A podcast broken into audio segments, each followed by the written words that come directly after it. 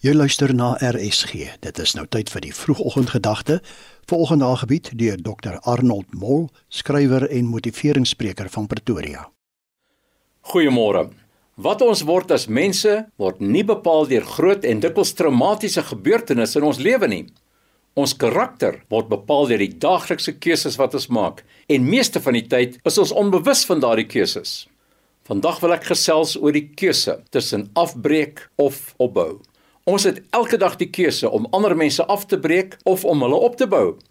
In Spreuke 12 vers 18 lees ons: Praat sonder om te dink kan soos dolksteke wees. Wyse mense bring genesing met wat hulle sê. Wanneer ons aan ons kinders, ons huweliksmaats, ons werkskollegas uitwys wat hulle swak doen, hulle onbekwaam laat voel, selfs hulle verneder voor ander, gaan ons hulle nie verander nie. Ons gaan hulle slegs afbreek en hulle sal nog meer so word. In 'n huweliksberading sessie het 'n man my vertel van al die dinge wat met sy vrou verkeerd is. En toe voeg hy by: "En jy moet sien wat 'n simpel kos ek elke dag kry." Toe ek vir sy vrou vra oor die simpel kos, sê sy: "Hy vertel my altyd hoe sleg ek kos maak. Hoekom sal ek moeite doen?" En ek het net weer besef, sy het geword wat hy gesê het sy is.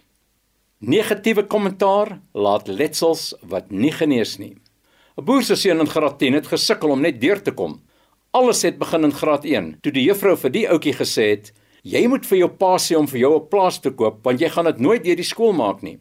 Hoe nader hierdie seun aan die einde van sy skoolloopbaan kom, hoe sterker speel hierdie boodskap in sy kop af. Die meeste tyd het ons of 'n positiewe effek of 'n negatiewe effek op die mense om ons.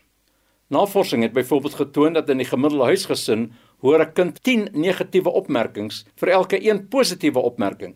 Die verhouding behoort net die teenoorgestelde te wees. 'n Dame in haar 60's het 'n vriendin na baie jare raak geloop en die eerste ding wat die vriendin gesê het was: "Ouma, jy lyk oud." Haar man sê dat sy weke lank depressief was. Wat het die vriendin besin om so iets te sê?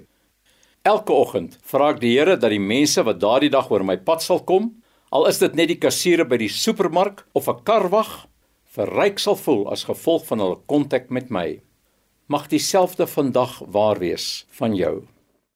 Dit was die vroegoggendgedagte hier op RSG, aangebied deur Dr Arnold Mol, skrywer en motiveringsspreker van Pretoria.